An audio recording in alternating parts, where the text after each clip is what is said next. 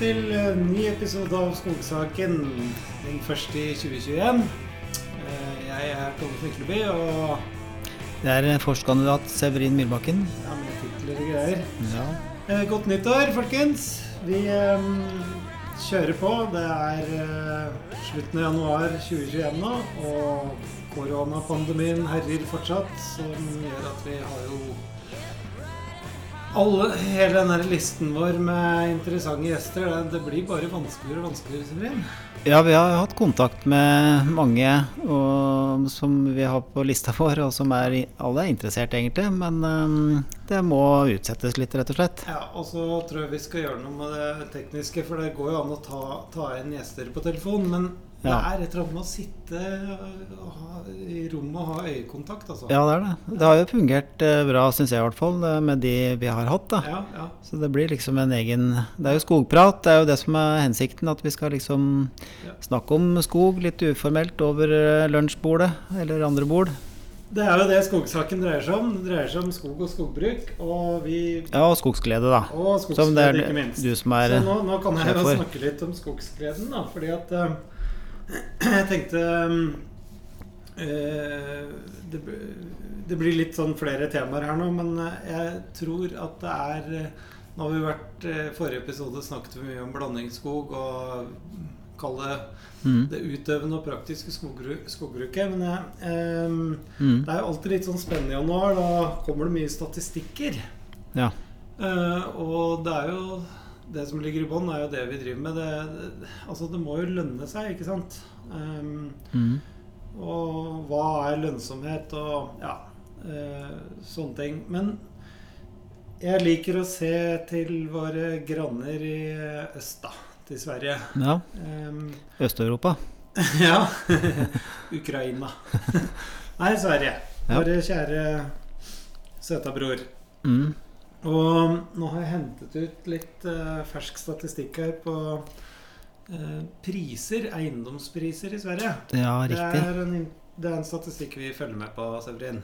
Mm, vi følger med på det. Men betyr det noe for deg? Ja, jeg syns det gir en pekepinn på hvor verden, eh, skogsverdenen drar, egentlig. Ja. Og hva folk og noen har tro på, hva markedet har tro på, liksom, i framtida. Men den største meglerfirmaet i Sverige som driver med skog, det heter Ludvig og Co. Det er ikke Areal, og det er ikke det er Ludvig LRF. og Co. Nei. Men eh, de har lagt fram eh, 2020-statistikken, da. Mm. Og eh, her skriver de da at koronapandemien har gjort at etterfrågan på skog har økt. Mm.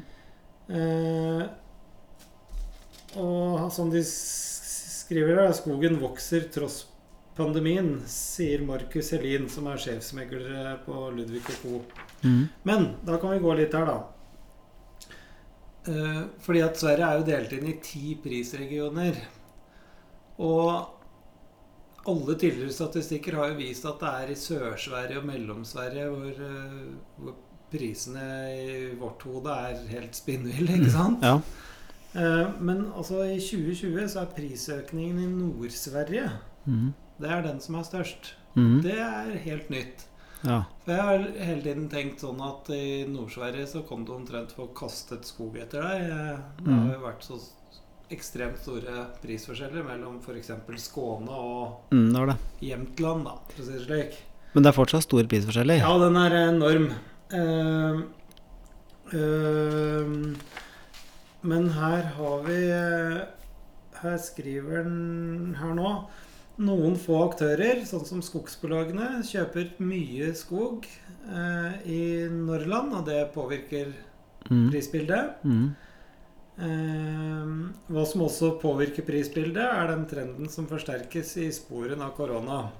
Nemlig å flytte fra storstaden til et mer lentligt boende. Ja vel, akkurat. Så det, det er interessant. Ja.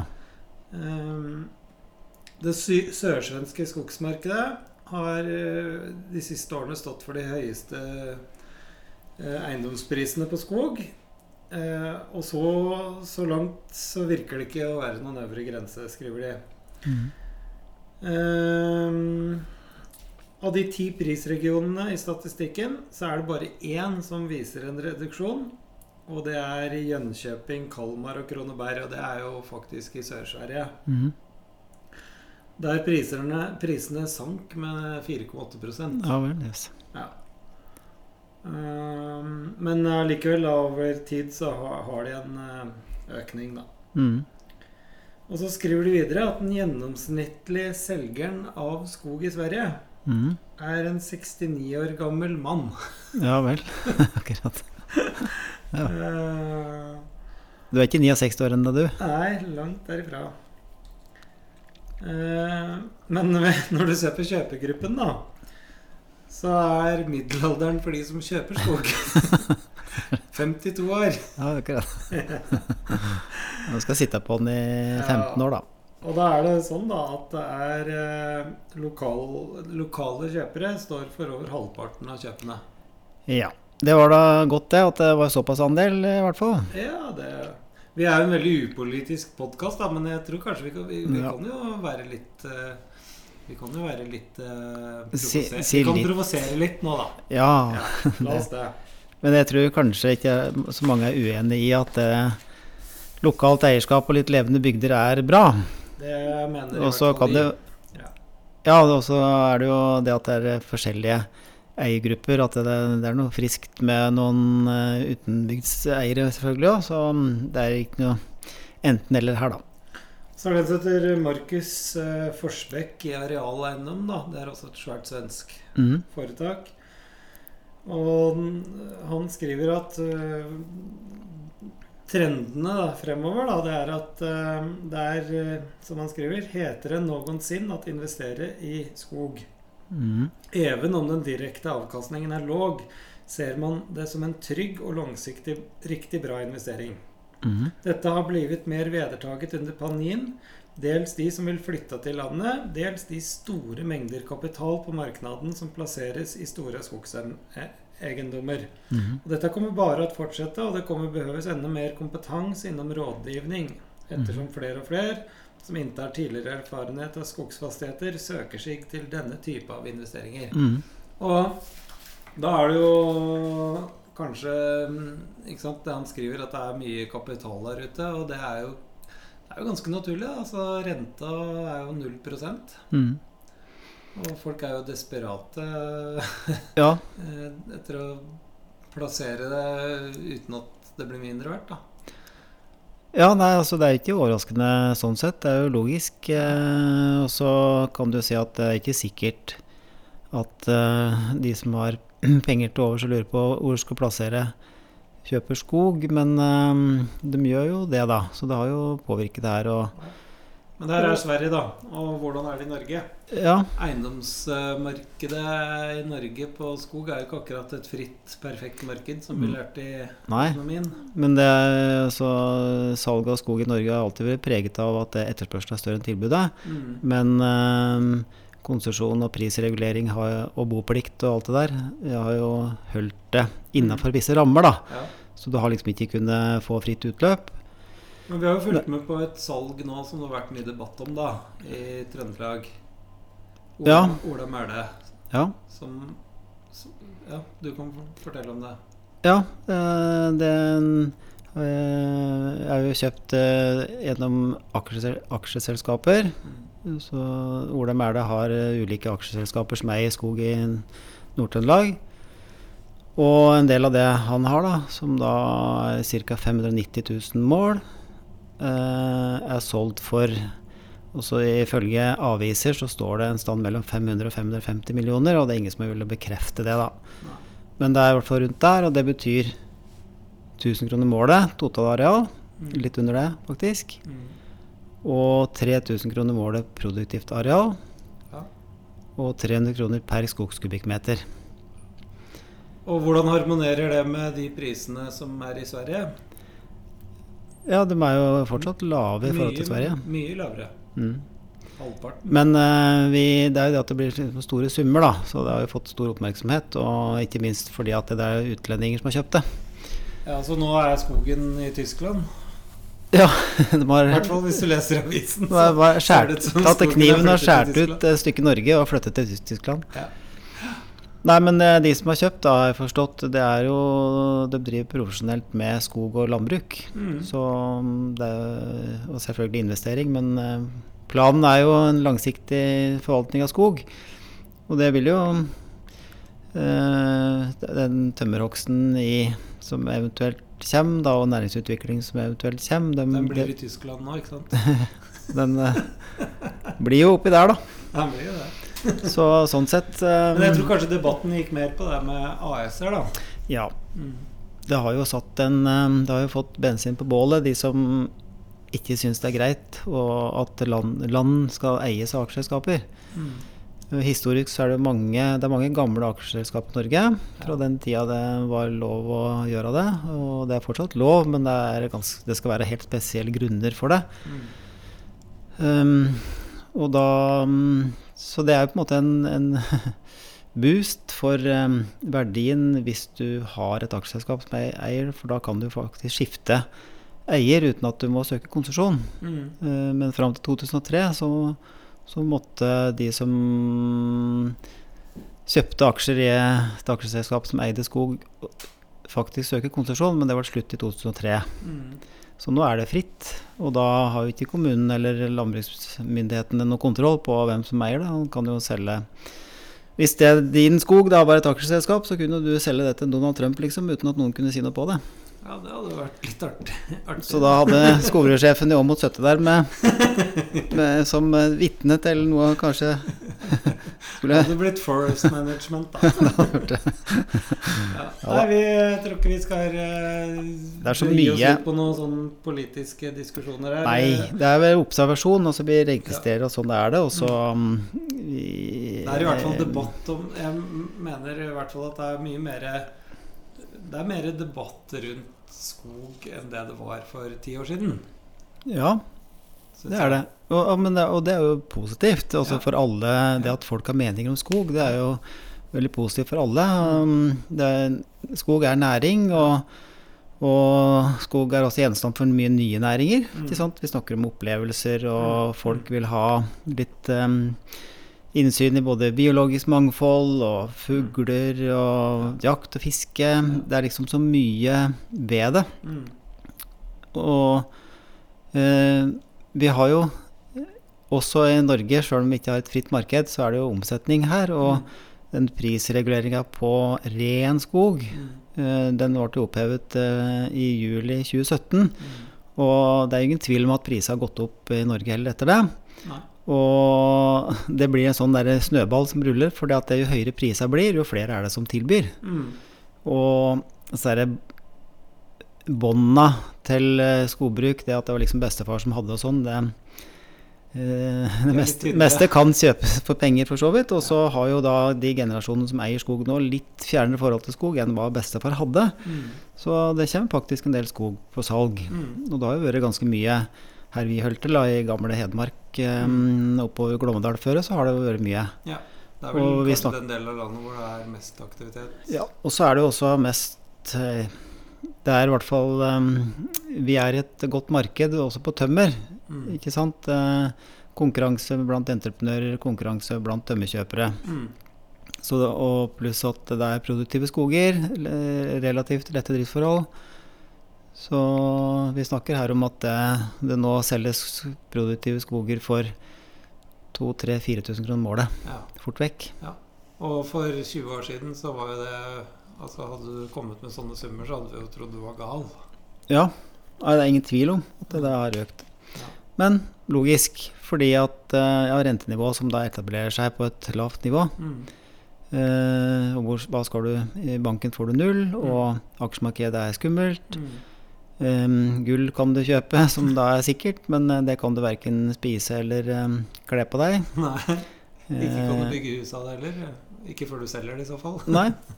Og hva er fordelen med skog? Jo, det, det vokser fysisk eh, 2-3% i året. Så Mm. det er en helt eh, konkret realavkastning. Mm.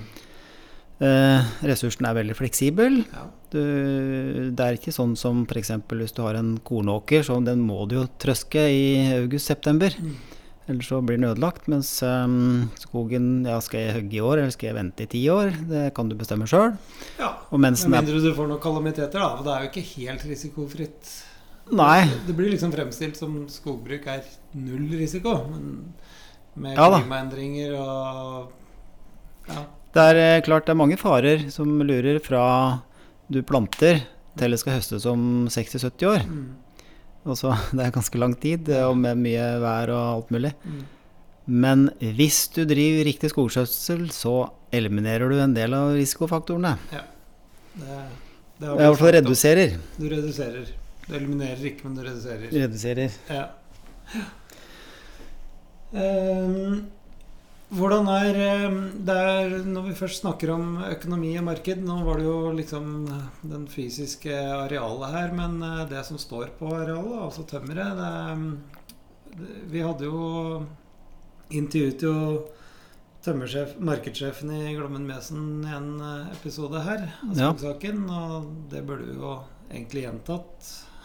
Ja, Nå men, har det snart gått et år siden vi pratet med ja, ham. det. Men eh, vi har jo litt eh, Altså, vi mener jo selv vi har litt oversikt om hva som skjer. Men, men husker du hva han sa? Liksom hva som var hans konklusjon? Ja, Konklusjonen var at den langsiktige trenden er meget positiv, men han sa jo på en måte Det her var jo før koronaen inntraff. Mm, det var det. Med februar. Og um, analysene fra et samlet analytikerkorps eh, eh, ble jo egentlig helt motsatt av Mm. Og alle trodde, kan du si. Da. Mm. Og det som er realiteten nå, i hvert fall, er jo at prisspenningen er jo tilbake på full fart. For nå har vi da altså Mm. en, et sagtømmermarked som er mm, Ja, Klondyke er vel Vi Mm. kan ikke si det, men eh, nesten. Ja. det er i hvert fall Jeg har tømmerdrift gående nå. Jeg ser mm, virkes mm, Eller altså måle målekvitteringer. ja. Og det er altså sagtømmer. Det blir smukket ut tvert. Mm. Og slipen, massevirke, det ligger der. Mm. Så det er et veldig todelt marked nå. Det det. Så det å komme og skal tynne og sånne ting nå, det, Mm. det tror jeg er litt vanskeligere. Ja, det er vel ikke det første man kaster seg over. Han håper jo at det massevirkeprisa øker litt, så at det blir eh, også lønnsomhet i tynning. Men det er jo utrolig vanskelig, for nå har de altså eh, De siste par årene så har vi jo snakket om eh, at det er Vi må bygge opp kapasitet blant maskinentreprenørene. At her må de tynne, og det var jo massevirkepriser på over 400 kroner kubikken. Mm. Og det var jo Folk sto jo kø etter å tynne. Mm. Og det var null kapasitet. Mm. Og nå er det helt motsatt, og det går jo så fort. Mm. Og nå vrir eh, alt over på sagtømmer, sene tynninger, hvis det skal tynnes. Mm. Um, men hvordan er det om to år? Ja, altså det, det er nesten så du ikke kan uh, si helt hva det er. For at det vi, for et år siden så hadde vi vel ikke klart å forutse akkurat hvordan ting slo ut. Og Nei. det har jo vært veldig mye større svingninger på ting da. Mm. på, og siste året enn det har vært før, kanskje. Ja. Um, men ehm, dette med uh, jo, For det første vil jeg si at det tynning det er jo et skjøtseltiltak. Da. Vi Mm. må huske på det. Vi kan liksom ikke la være å tynne fordi om sliprisen er dårlig. Og for at du skal tynne på riktig tidspunkt, og det skal ikke være for sent. Nei, For da er du utsatt for risiko, ikke sant. Nå har vi hvis hatt, du skal tynne. hvis du skal tynne, men eh, hvis du ikke skal tynne, så må du i hvert fall gjøre ungskogpleien skikkelig. Ja. Og det dreier seg mye om det vi ser nå, og har støttet litt med hjertet i hersen på nå, når snøen, i hvert fall herover, har lava ned. Mm. Og så har, har det vært mildt, og så har det frøset på, og så kommer det enda 40 cm til. ja. Det er det verste. Og-. Trærne står som buer. eh, De som er ikke, ikke er symmetriske, de har stått som buer. da, og Så tenker jeg hvordan går det her? Og det er ingen tvil om at de bestandene som eh, ja, har lite krone, da, Mm. de har eh, Noen har knekt, i hvert fall risikoen er mye større. Mm. Um, men akkurat hvordan det ser ut i skogen, det kan vi ta etterpå. Ja. Men det jeg tenkte på når du sier Nå er prisspenningen Mm. Altså um, den relative forskjellen mellom sagtømmer og massevirke, den er ganske høy nå. Mm. Altså lønner det seg å produsere sagtømmer. Ja. Og akkurat den der har jo svingt veldig mm, Jeg husker den tida for eh, ja, 20 år siden. Mm. Um, da han Mats Hagner, han svenske professoren, så, Han kom med sin naturkulturmetode, da, som var å ikke behandle bestand, men behandle trær. Mm. Eh, nettopp for at når det treet er utvokst, så skal de hugges. Og det baserte seg jo på at um, det må være lønnsomt med grove dimensjoner, på en måte. Mm. Og noe av motargumentet da var at det, nei, vi må produsere volum, fordi at det, det er eh, altså, det, blir, det blir i framtida ikke så stor forskjell på massevirke og sagtømmer. Men nå er vi litt tilbake der igjen, at nå er det faktisk eh, poeng å produsere sagtømmer. Men det skal ikke være for grovt. Jeg husker en Helge Urstømmen i Glommen i sin tid sa at det, um, har du grove dimensjoner, så bare la det vokse, for at grove dimensjoner er eh, blir bra, da. Eh, Men nå vil ikke sagbruket ha De vil ha jevne dimensjoner, men vil ikke ha for grovt. Det har de kanskje aldri ville hatt, men eh, så snakker vi om spesialtømmermarked som da trenger grove dimensjoner. Men det er også jo litt lite. Ja, det er akkurat det. Mm. Så mm, det er liksom å produsere mm, eh, en sa sagtømmerandel, og så må du ikke vente for lenge. Nei. Og at det blir for grovt. Og på Vestlandet så har du det problemet. Der er vi jo mange bestand som Altså, Altså, er granet er jo det er nesten 70 cm i diameter. Ja, ja, ja. Og da er det faktisk for sent. Da er det for sent. Eh, Bare spørre deg, da. Mm. Nå Vi har snakket om rentenivået, Ja. og det påvirker jo liksom ei- eiendomsmarkedet. Men eh, hvordan påvirker det hogsttidspunktet? ja det, vi skal jo egentlig ikke hogge nå, da. Nei.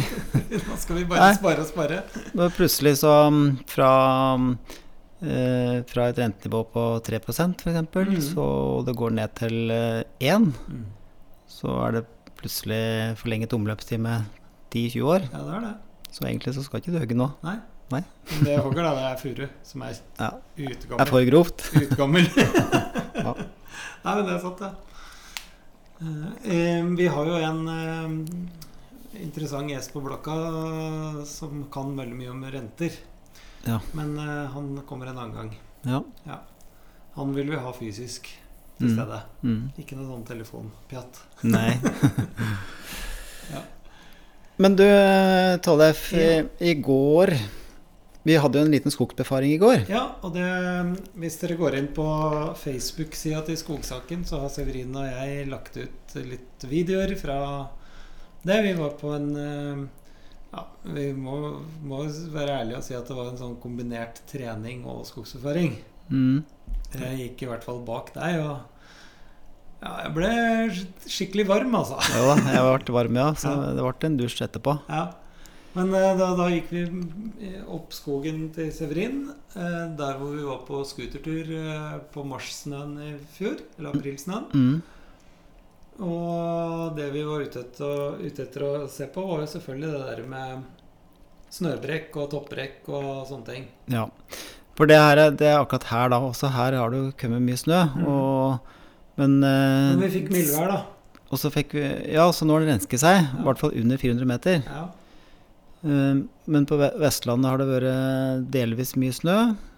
Og så hadde jo en skikkelig Den derre ork- stormen, eh, uværet Frank i Trøndelag og nordover. Ja. Eh, ja, det er mye vær, liksom. ja, det det. Så det er jo det du går med hjertet i halsen for. Men da og vi gikk hos deg i går, da, så var vi jo på 550 meter på det høyeste. 600. ja, på det, på det høyeste, ja. Ja, Mm. 550. Og det var jo mye snø på der, da. Ja, det er eh, over en meter. Men eh, nå har jo du vært flink med ungskogpleie og alt. Så vi, altså, det så jo Altså, jeg så ikke noe Nei. noe å grine over der. Nei, det var, det var ikke så gærent. Men uh, en- ethvert tre som har knekt, uh, syns du er et tre for mye. Ja, det er jo det. Men uh, det var i sånn uh, Det Overordnet. stammebrekk. Ja, det var noe stambrekk. Mm. Og så de ungskogfelta, da, som Håklasse 2-felta, som er sånn to-tre meter høye, Mm. så er det noen De sto jo, når det var snø på dem, var det som bur, dem òg, mange. Og noen topper har knekt, altså det er ikke mange i det hele tatt. Men der er det noe skader. Og så kommer du oppover i hoggklasse 3. Der er det noen som har velte helt rotvelte, og så er det noen som har knøkket toppen, eller midt på nesten. Men det var i Trysil eh, forrige helg. Ja. Eh, og da jeg kjørte dit, så eh, Altså, det var så mye snø der. Og det var før det mildværet kom. Mm. Og det var altså sånn Jeg så sånn hogstklasse 4. Altså det sto der Altså det var bestand som var helt smadret. Mm. Fullstendig. Ja, det var det. Ja. Det var eh, ned mot jordet. Altså det, det ble Ja. veldig lokalt, da. Ja. Men eh, nord, eh, nord eh, Nord i Trysil, da. Ja. Og voldsomt med snø, altså. Og da, da, da gjør man seg noen tanker hvis du f.eks. hadde akkurat tynnet en boksklasse 3 for sent og får en sånn snødett, Mm. så er, går det gærent, altså. Mm. Men uh, igjen så er det riktig ungdomsoppleie. Og, at, og det, det betyr jo egentlig at den skal ha kronedybde, så de har både god stabilitet og vekst. Mm. For det er en sammenheng mellom kronedybde og rotstørrelse. Ja. Og på hva var det vi lærte på Ås, Tollef? Det var at det furua skulle ha minst eh, 50 krone, Krone, ja. Mm. grønn krone, Mm. og grana Nei, det to, tre, to tredeler. To tredeler ja. Så det blir Men eh, hvis du ser på um, veldig mye av de tynningene, altså på gran, så er det jo veldig Det er jammen meg sjelden du ser grantynninger hvor du har to tredjedels grankrone. Ja. Altså Så jeg tror det er veldig mye tynninger som er verdt for sene, altså, ja. på gran. Det er risiko, ja. Ja. ja og dårligere ja. Mm. Dårlig utvikling og risiko, ja. Så mm, risiko Det er jo alltid interessant da, å vite hva tømmerprisen er. Og så går du inn på eh, hjemmesiden eh, til de der andelslagene, så står det jo nå, da Vi øker sagtømmerprisen. mm, Men det står jo ikke et kvidder om hva prisen er, Nei. eller hva de øker fra. Nei. Um, Nei, altså tø- tømmerprisen er jo veldig sentral for uh, i hvert fall det vi gjør. Altså det er sentralt for alle som driver skog, selvfølgelig. Men når du skal vurdere skog og skogverdier, så er det jo tømmerprisen som styrer det meste. ja. Og mm, enten den er høy eller lav, så skal du liksom finne ut da, hva er den. ja, for å gjøre en riktig vurdering av enten du skal må- eller verdsette. Ja, så liksom åssen finner tømmerprisa? Ja. Og det er som du sier, eh, gå inn på en, eh, et andelslagsside eller på en tømmerkjøpers side. Mm. Det Det er et kort av tett til brystet, altså. Ja. Det står at det er kjempeøkning, og det er bra og høy sagt, høy, skogens høy sagtandel. Men hva er den egentlig? Og hva, hva får Ja, ikke minst det med Så kan du kanskje høre fra noen at ja, nå er sagtømprisen 520. Ja. Og så høgg du, da, og så får du virksomhetsregninga di. Hva er den da? Jo, da er det snittet 490. ja maks. Og hvorfor, hvorfor er den det? Ja. Nei, men eh, vi Skogsaken vi er jo her for å hjelpe den skogbruksinteresserte. Ja. Så vi har jo selvfølgelig noen uh, triks i boka når de der skogeierandelslagene ikke vil vise noen verdens ting. Mm. Men uh, alle, de aller fleste har jo tilgang til internett, da. Så da er det i hvert fall det vi bruker. Og i, vi er jo skogkonsulenter. Uh, og vi eh, er jo avhengig av å vite tømmerpriser over hele landet, egentlig. Mm. Men da er det faktisk sånn at uh, tømmerprisene de ligger der. Uh, ikke i sanntid, men uh, statistikk på månedsvis. Ja. Og de ligger da altså offentlig tilgjengelig på landbruksdirektoratet.no. Mm. Der ligger de. Da finner du for region, og du finner for kommuner, og du Mm. finner for år og måneder. Mm. Det gjør du. Uh, Det er ikke noe sånn veldig Det er ikke bare å klikke og tro at alt er satt sammen og linet opp, for det er rådata. Mm. Men eh, ja, vi jobber jo med det her, så vi eh, Ja. er noen racere på pivot-tabeller i Excel. Men eh, Men, men det, du, det, altså, du finner de. Du, ja, du finner dem, og en god hjelp hvis du ikke vil gå inn der, det er jo da Norsk Skogbruk hver måned. De har jo de siste åra begynt med en prisstatistikk Ja. som viser pris i ulike mm, fylker. Mm. Og um, hver måned, altså den aktuelle måneden, da. ja. Og også hva den var for, i samme måned for ett år tidligere. Ja, så all honnør til Norsk Skogbruk som setter opp det der pedag pedagogisk, Ja. rett og slett. Ja. For uh, den uh, normale skogeier. Og, det og det her er jo oppnådde priser, Ja. så det er, fakt det er det faktiske resultatet. Mm. For det er forskjell på det og de prisene du får f.eks. Eh, hvis en skoeierforening eller en skogbruksleder sier til deg at eh, prisen nå er 25, Mm. eh, men hva blir den faktisk? For Ja. at det er avhengig av dimensjon, Ja. og selvfølgelig sortimentsfordeling på totalen. Ja. Men det er et studie, altså det å sammenligne tømmerpriser, og det er, det er ikke lett. Ehm, det er ulike regioner, ulike tømmerkjøpere, ulik skog, Mm.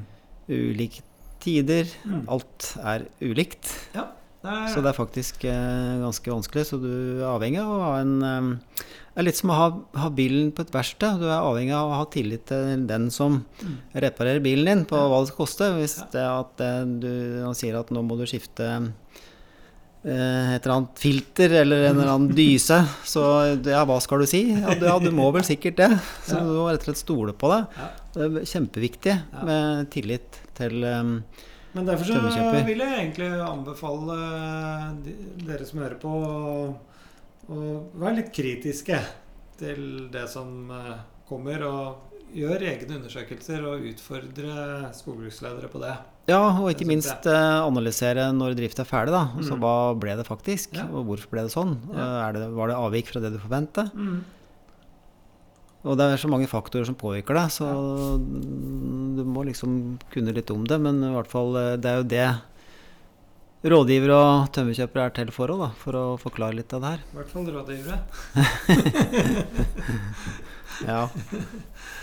Så, nei, jeg fører, jeg fører sånne ganske detaljerte regneark etter hver tømmerdrift. Ja, og da får man fasiten, og da er det jo Mm. Selvfølgelig, som du sier, det er jo dimensjoner, og det er hva slags type skog det er, og ikke minst eh, driftsforholdene Mm. har mye å si. ja.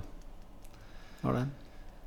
Så Men det var også et lite spark eh, i anførsel til disse andelslagene våre. mm, Og de som um, Og det er eh, Du er inne på hjemmeside eh, eh, på en mandag. mm, Og er det noe nytt, liksom? Det, ja, det er litt nytt. Det er en skogdag det her, og mm, digital skogkveld der, og noe sånt. Mm. Og så går du inn på samme sida to dager senere, og så er det akkurat det samme. Har ikke skjedd noen ting. Nei. Og alle er jo interessert i nyheter. Ja, Jeg er sikker på at du, Tollef, ser på nyhetene hver dag. hver dag. Og kanskje flere om dagen da. Ja, ja.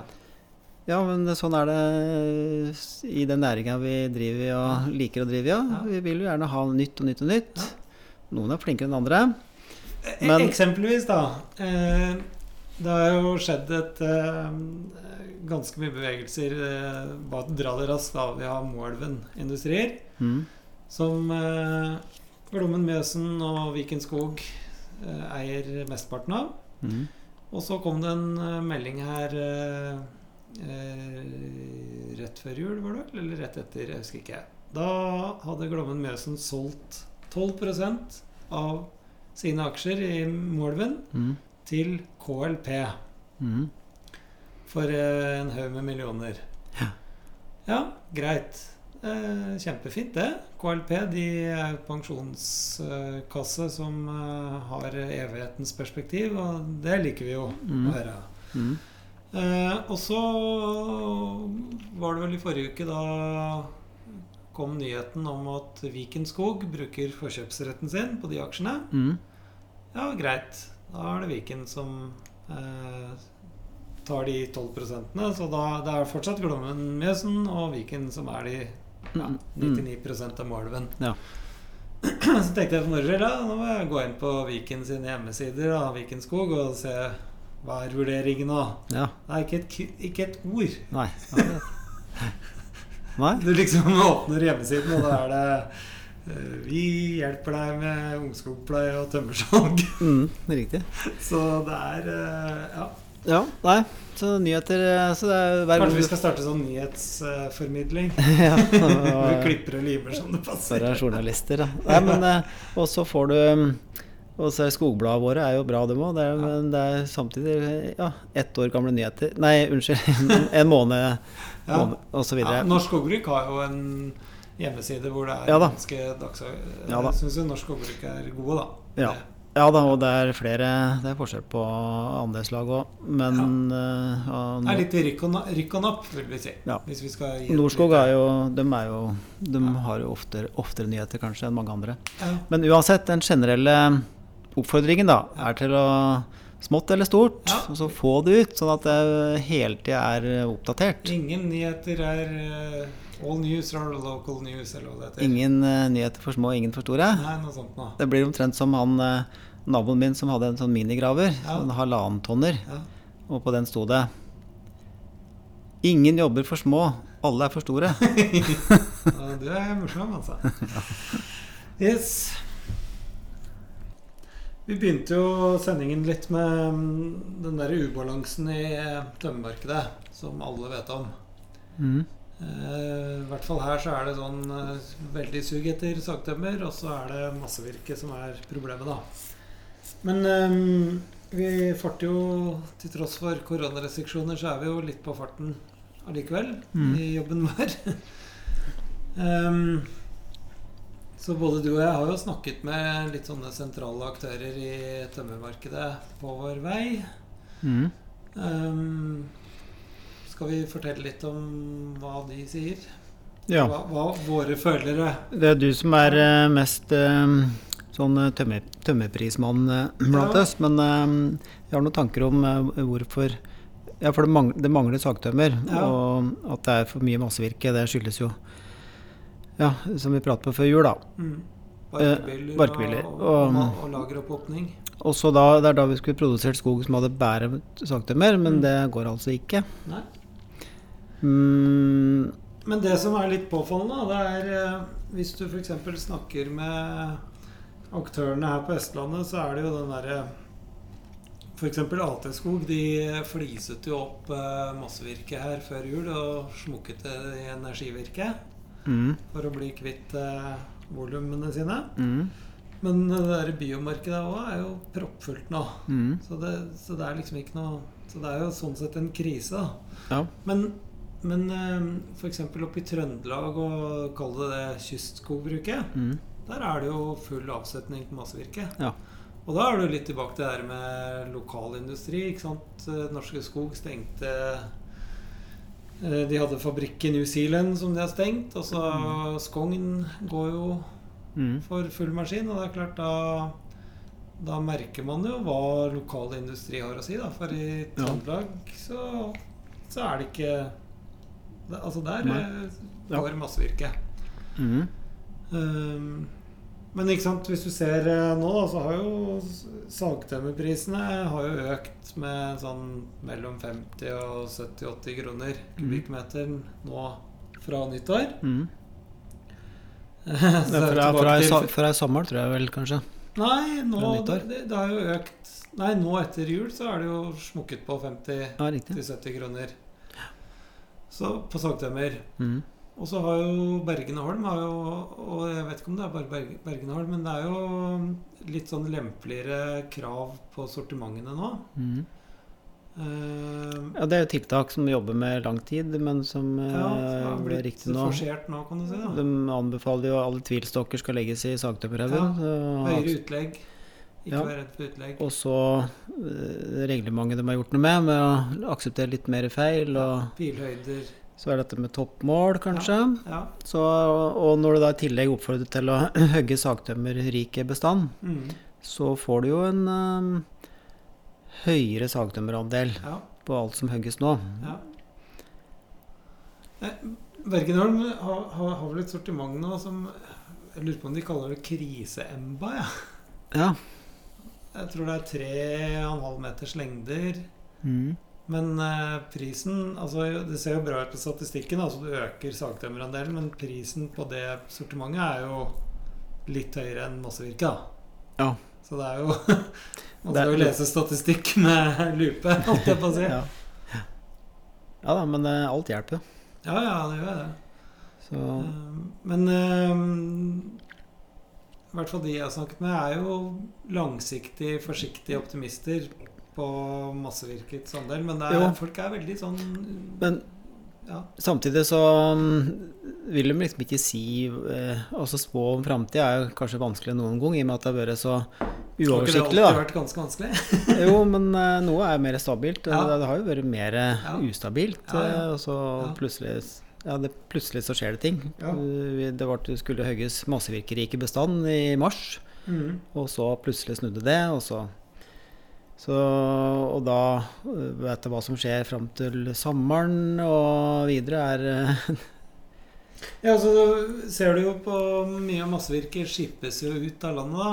Og Ja. Sverige og Finland de har jo planer om å Altså de skalerer ned papir og emballasje og kartong og sånn. Der peker alle piler oppover. Ja. Men uh, realiteten er jo at ingen av de prosjektene er jo i gang før uh, i 2023-2024. Hvis de blir noe. Jeg tror de blir noe men det er jo mange år til. Mm.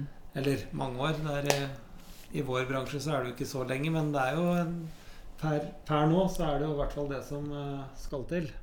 Ja, nå ble det en liten kaffepause på Severin. Ehm, men da ringte ehm, sjefen i ehm, Viken AT Markets, og Håkon Myhra heter han. Og da tok vi og satte på opptakeren og tok en prat med han. Eh, Det er jo korona og elendighet, så da er det ikke så lett å få folk eh, rundt et bord, kan du si. Nei, nei da. Nei. Men eh, Håkon Myhra, vi kan jo ta det litt på telefon nå, kan vi ikke det? Jo da, det Ja. Nei, for det vi sitter og snakker om nå, det er jo det der ubalansen i tømmermarkedet, ikke sant? Og så noterer vi oss at det er jo um, forskjellige sortimenter som blir introdusert for å få ned sagtømmerandelen. Og så ser jeg også f.eks. i kystskogbruk og i Trøndelag og sånn, så er det jo egentlig full avsetning på massevirke. Men eh, har du noen kommentar til det, egentlig? Eh, nei, hva skal jeg si kommentar til det? Det er nok eh, Jeg ser de mm, i deler av det, det er I noen områder så får de jo kjempelave, eller historisk lave massevirkandeler, nesten. da. Og det er som du sier, de Altså, det er jo med nye sortimenter. Jeg vet vel eh, innenlands så er det vel eh, noen eh, kommet noen eh, sånne EMBA-sortimenter. Det var noe som het Krise-Emba, så jeg. Krisemba, da, som jeg eh, skjønner eh, en stor norsk sagtømmer som også hadde under finanskrisa, som har kommet inn igjen nå. da. Ja. Så den, den sluker nok veldig mye. Ja. Men ellers så ser jeg sånn Vi, vi har jo bare em, eksportkunder. Em, så jeg, jeg ser jo liksom vi, Der har vi jo egentlig de der er det jo skal vi, second quality-sortimenter mot uh, Tyskland. da. Og, men jeg ser også interessen for å kjøpe palletømmer eh, også øker nå, da, både eh, i Sverige f.eks., men også i Danmark så er det litt lettere nå, da. Det er det. Øh, Hva, hva er forskjellen på massevirkepris og pallepris?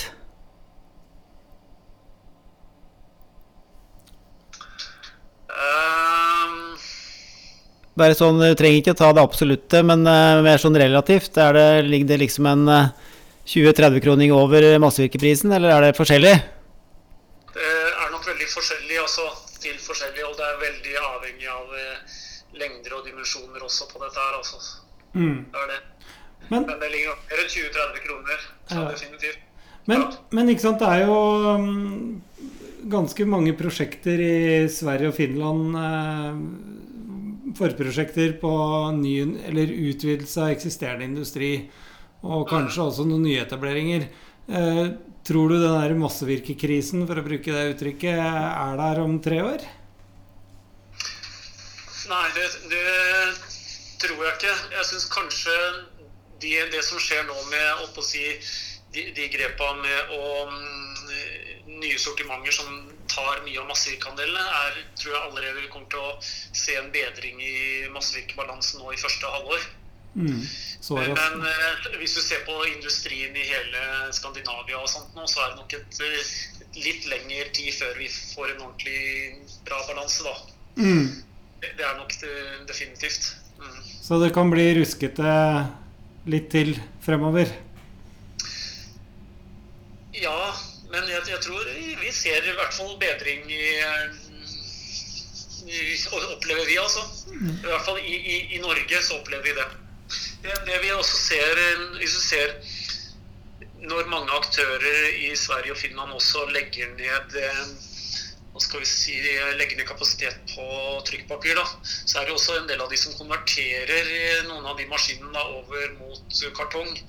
Eh, og da er det jo også sånn at den forbruket på de Når du konverterer en papirmaskin over på andre typer som er altså tjukkere, da, så øker det jo betydelig forbruket også. Så, du, du, så i det lengre perspektivet så er det veldig i, så, så har jeg faktisk veldig tro på at det vil være et underskudd av fiber, faktisk. Og når du får litt eh, kontroll på de kommer til å få kontroll på de billigtømmeret nedover i Tyskland. Eh, eh, eksporteres det mer og mer? Altså, er eksportandelen deres eh, mye større nå enn f.eks. For, for fem år siden? Ja, ja, ja. Det er I hele landet så er det. Nå eksporteres jo en tredjedel av tømmeret som avvirkes her i landet, går ut av landet og har gjort noe de siste åra. Men for fem år siden så var den jo Den har jo økt eh, betydelig fra 2013, da, kan du si. Mm. Men på sagtømmer så er det full gass. Der er det full gass og vel så det, holdt jeg på å si. Der er det veldig stor, eh, stor etterspørsel, definitivt. Veldig stor eh, interesse. Men den etterspørselen, den, etterspørselen, den er eh, innenlands eh, stort sett? Innenlands? Nei, den er over hele Den er Det er stor etterspørsel innenlands på sagtømmer, men det er, der vi merker aller mest, er kanskje litt Baltikum. Mm.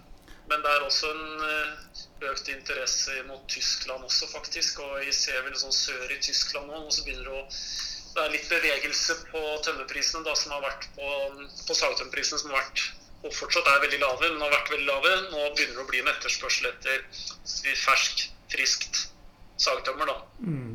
Sånn at det, der er prisen på vei opp nå. Men eh, dollaren har jo svekket seg litt, og det er presidentskifte i USA, så det trelastmarkedet i USA har vel, er vel også en viktig driver.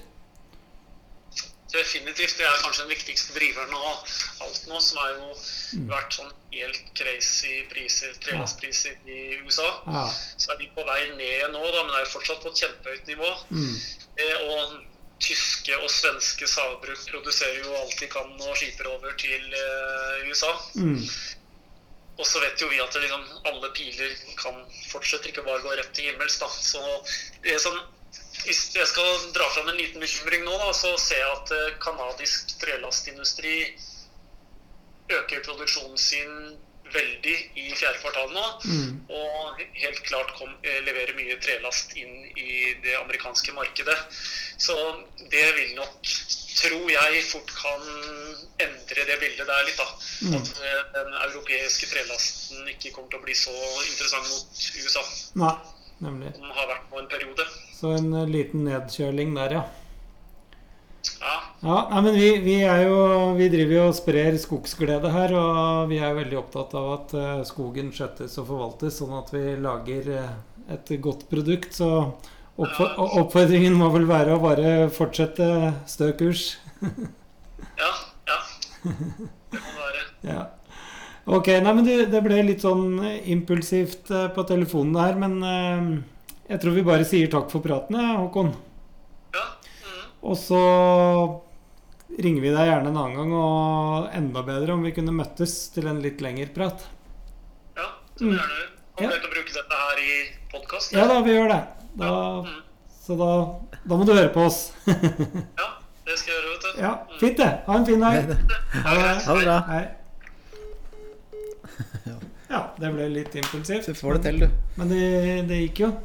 Men han sa jo egentlig det samme som vi eh, Mm. Var inne på nå. Ja da, gjør det. Ja.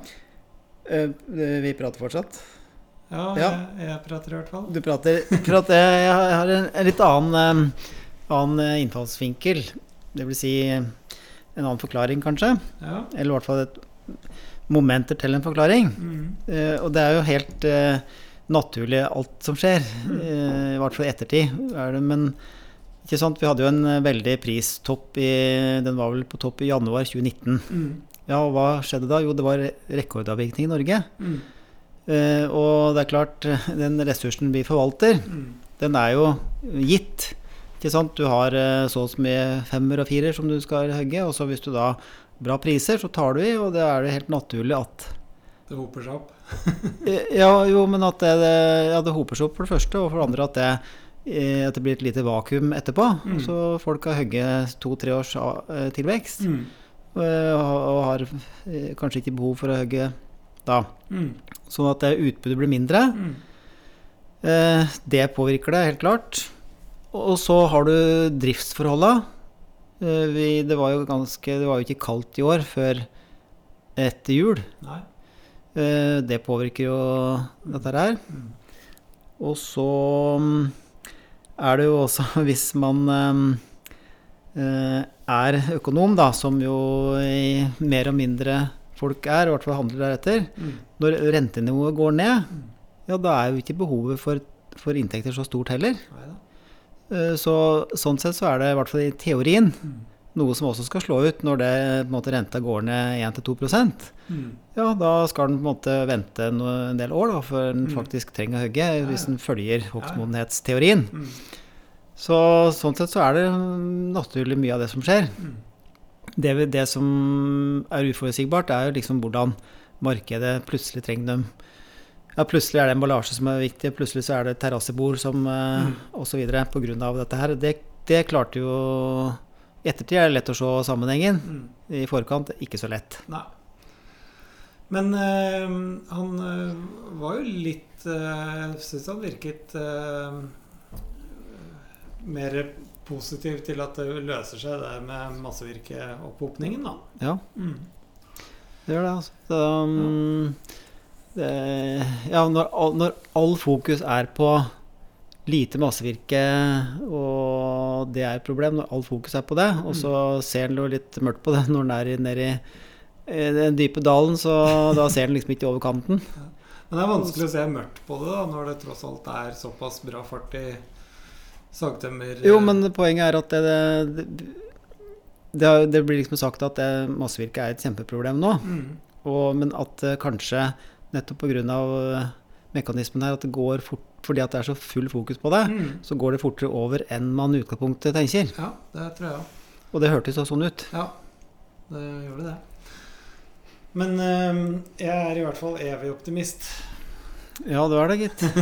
Sjøl når du lå nede i grøfta i en meter snø i går, så da Nei, jeg var optimist. Jeg sitter her nå. ja. Jeg hadde ikke tro på at du skulle komme på. Nei, nei, nei, nei. Du kom opp igjen. Ja. Ok. Nei, men eh, nå har vi altså snakket litt eh, økonomi, egentlig, i denne episoden her. Ja. Lite skogskjøtsel.